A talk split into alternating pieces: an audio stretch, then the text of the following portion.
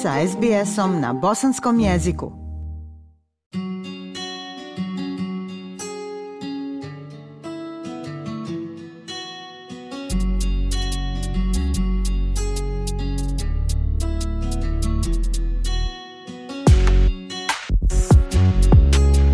Slušate SBS program na bosanskom jeziku.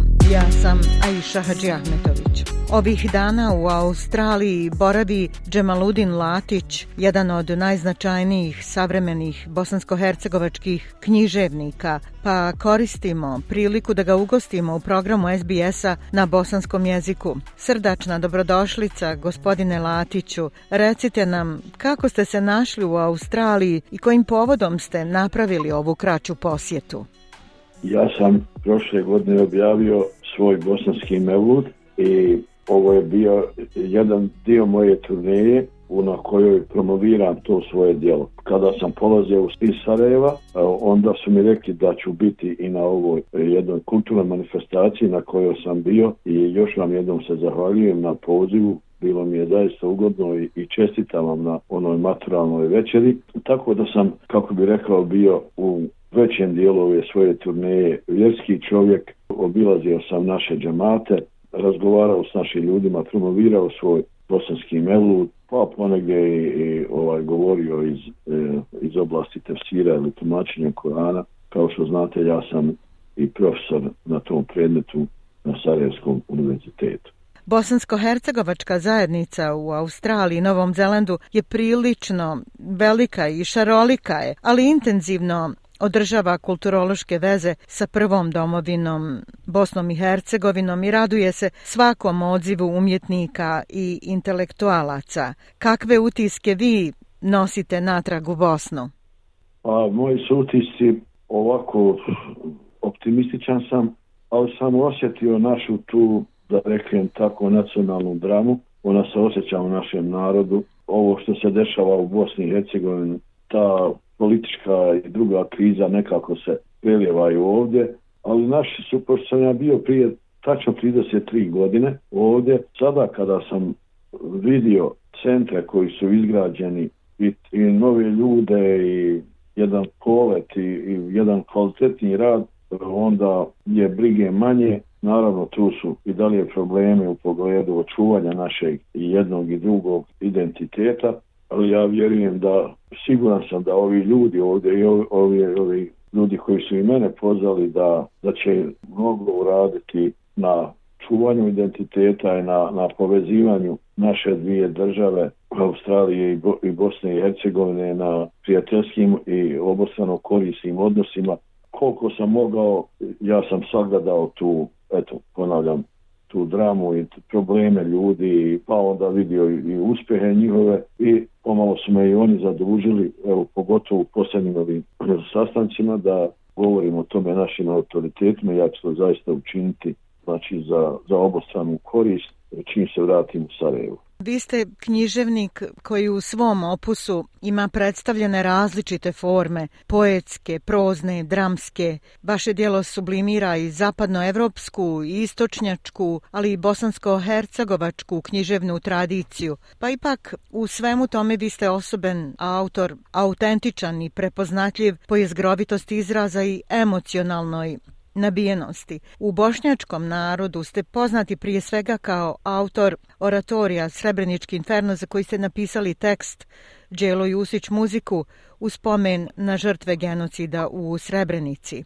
I eto, i nakon 20 godina koliko se izvodi Srebrenički inferno, ista emocija bola i tuge u svojoj potresnosti i umjetničkoj uzvišenosti opominje da se tragedija više nikome ne ponovi i nikada, a svjedočimo da svijet nije izvukao pouku. Kako biste vi to prokomentarisali? Da li umjetnost može da spriječi zlo?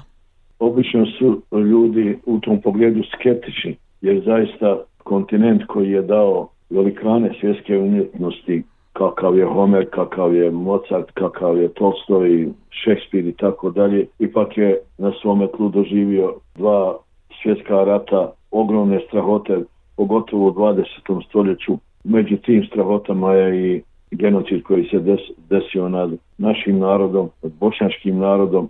Umjetnici su često nijemi pred tim strašnim događajima.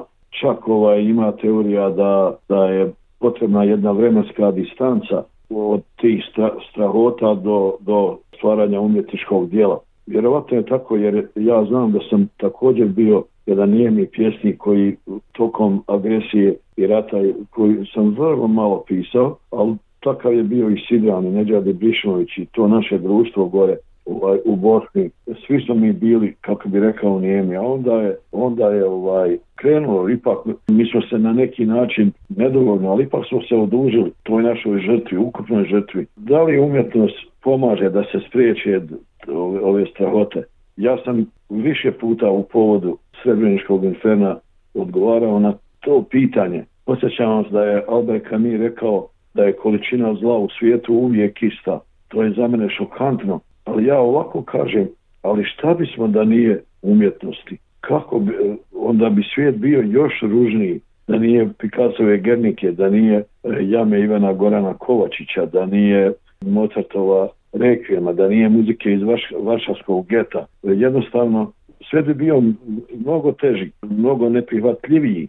Tako da mene se čini da, da ipak e, umjet, ništa kao umjetnost, po mom mišljenju i religija ili religije, ne mijenja čovječanstvo. I odnosno trebalo bi da mijenja čovječanstvo. Ako ste čitali moj inferno, videli ste tamo da, da ja navodim u motu stihove jednog pjesnika, poljskog Nobelovca, Česlava Miloša, moje poetske i intelektualne ljubavi po mnogo čemu, koji piše svoju znamenitu poemu Spasenje, u kojoj kaže tebi koju nisam mogao da spasim. Ja sam to stavio u, ovaj, u zaglavlju svoje poznate poeme i na taj način, eto, odužujem se riječima da Bog do nikad se nije desio agresija i genocid u čitavoj našoj Bosni i Hercegovini, je za mene Srebrenica simbol, znači tako širokog i strašnog genocida, da se Bog do nije desilo, pa da Bog do nisam napisao ni redka, ali na neki način kao da, da sam ovaj se, kao da mi je lakše savesti kad sam to uradio i kad, i kad mi, eto, bošnjaci i građani Bosne i Hercegovine, svi koji volimo svoju domovinu, kada čujemo tatove moga prijatelja Rahmetli Đele Jusića, mi se zapravo nađemo otprilike kao jevreji kada čuju tatove Varšavskog geta. Oni se nađu u, u Varšavskom getu, a mi se nađemo u Srebrenici, koje je zaista potresno djelo. By the way, kad već o tome govorimo, upravo sam se vratio iz eh, naše ambasade i razgovarao sam sa ambasadorom, gospodinom Kemalom Moftićem i sa svojim prijateljima Safetom Alispajićem i Mohamedom Kumalićem o eventualnom izvođenju Srebreničkog inferna ovdje u, u zgradi E, u ovom zdanju, prelijepom izdanju Sidnijske opere. Želim da posjetim, da kažem vašim slušalcima da mi gore u Sarajevu u dogovoru sa članom predsjedništva gospodinom Bećiro, Denisom Bećirovićem radimo na tome da, pošto je 2025. godine će biti 30. godišnica od, od genocida u Srebrenici da radimo na, tom, na tome programu, pa se može desiti, kaže, može se desiti da, da ovaj posjeća Srebrenički inferno te godine da šeta po svjetskim destinacijama, možda da dođemo ili da ta inferno dođe u, neko, u nekom obliku ovdje u Australiji. Da, to bi zaista bilo veličanstveno za izuzetno tešku godišnjicu 30 godina od stradanja Srebreničana, ali na jedan uzvišen umjetnički i dostojanstven način u Opera House u Sidneju bilo bi to zaista nešto posebno. Da se vratimo opet na vaše književno dijelo. Moram reći da je ono jedna jezička riznica prepuna sehara bogatstva i punoće bosanskog jezika u kome se ogledaju uticaji i drugih jezika i kultura, ali koji pritom samo dobija na original originalnosti i autentičnosti. I pri površnijem listanju vaše zbirke poezije Ako ja umrem draga, primijetila sam pored orientalizama i dosljednu upotrebu glasa H, koji se vremenom u mnogim riječima izgubio u našem jeziku. Recite mi, da li ste spontano koristili jezik u vašem stvaralaštvu ili je nekada i sama jezička originalnost bila svrha za sebe? A dobro ste to primijetili. Sve u vrijedno umjetnosti dolazi spontano. Ja, mi upijamo svoj materijni ili materinski jezik sa mačnim lijekom i ja sam porijeklom iz područja našeg najstarijeg izgovora bosanske ikavice i to ste mogli primijetiti u nekim prvim mojim pjesmama, pogotovo u pjesmama iz Metaša i Vodice. U tom smislu ja sam nasljednik medalije Mak Makad iz Dara. Kao što znate, on, njegov kameni spavač je dat u tom srednjovjekovnom bosanskom jeziku, a njegova znamenita knjiga Stari bosanski tekstovi kao da je podloga ili još jedna potvrda te genijalnosti ovog našega, po mnogima najvećeg našega pjesnika. Glas je jedna od osobina bosanskog jezika i on nije došao samo sa islamskom kulturom i civilizacijom kada se ona uselila ovdje u Bosnu, nego je on postojao i prije i prije ovaj dolaska islamske kulture i civilizacije. Naravno, taj glas eh, se nalazi u našim molitvama na arapskom jeziku, pa prema mome profesoru Riziću, s kojim sam o tome vodio kao student razgovore, najvjerovatnije je to razlog da je to eh, na neki način pojačano. Da, vi ste u pravu, mnogo toga se u našem jeziku izgubilo, mnogo toga je prihvaćeno, ali po svojoj prirodi jezik i općenito civilizacija je tu da se prožima sa drugim civilizacijama. Naš jezik, bosanski jezik je jezik Bosne, on ima svoja četiri matična dijalekta i jedan, tako se on naziva u nauci o jeziku, ne matični, mislimo na jezik sanđaških bošnjaka. On je u savu jednom rastasu, on je ta naša otvorenost, otvorenost naše duše vidi se i u jeziku srpski i hrvatski, crnogorski jezik su prožimali i naš jezik, kao što je naš jezik prožimao i ove jezike. A u tim jezicima onda nalazimo takozvane sekundarne riječi ili leksiku koja je dolazila iz drugih nekada, da rekemo tako, jezika svjetske kulture, kao što je nekada bio to arapski, turski, perzijski, odnosno latinski i kasnije evropski jezici, danas pogotovo engleski ili romanski jezici i tako dalje. To se sve ugleda u našem pjesništvu i, i zato postoje posebne studije.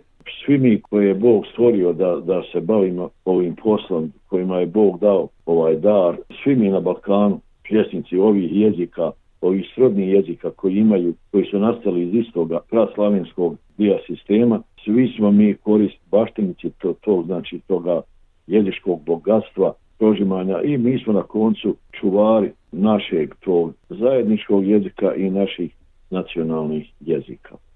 Vi ste profesor na Fakultetu islamskih nauka, intelektualac, književnik, pjesnik, esejista. Da kažemo, bili ste i političar u pokušaju. Kako biste sebe prvenstveno odredili i šta smatrate svojim najznačajnijim ostvarenjem? Pa ja vas podsjećam na jednu izreku Hermana Hesa koji je rekao da je u svom djetinstvu govorio bit ću pjesnik i ništa drugo. Kada sve saberete, ja se u, na, na svome predmetu i u toj oblasti naučno koju sam specializirao tumačenju Kur'ana, ja se opet bavim jezikom, istina u ovom slučaju božanskim ili božijim jezikom, arapskim, a ovamo u književnosti, pogotovo u poeziji, ja naravno se služim jezikom kao svojim osnovnim sredstvom.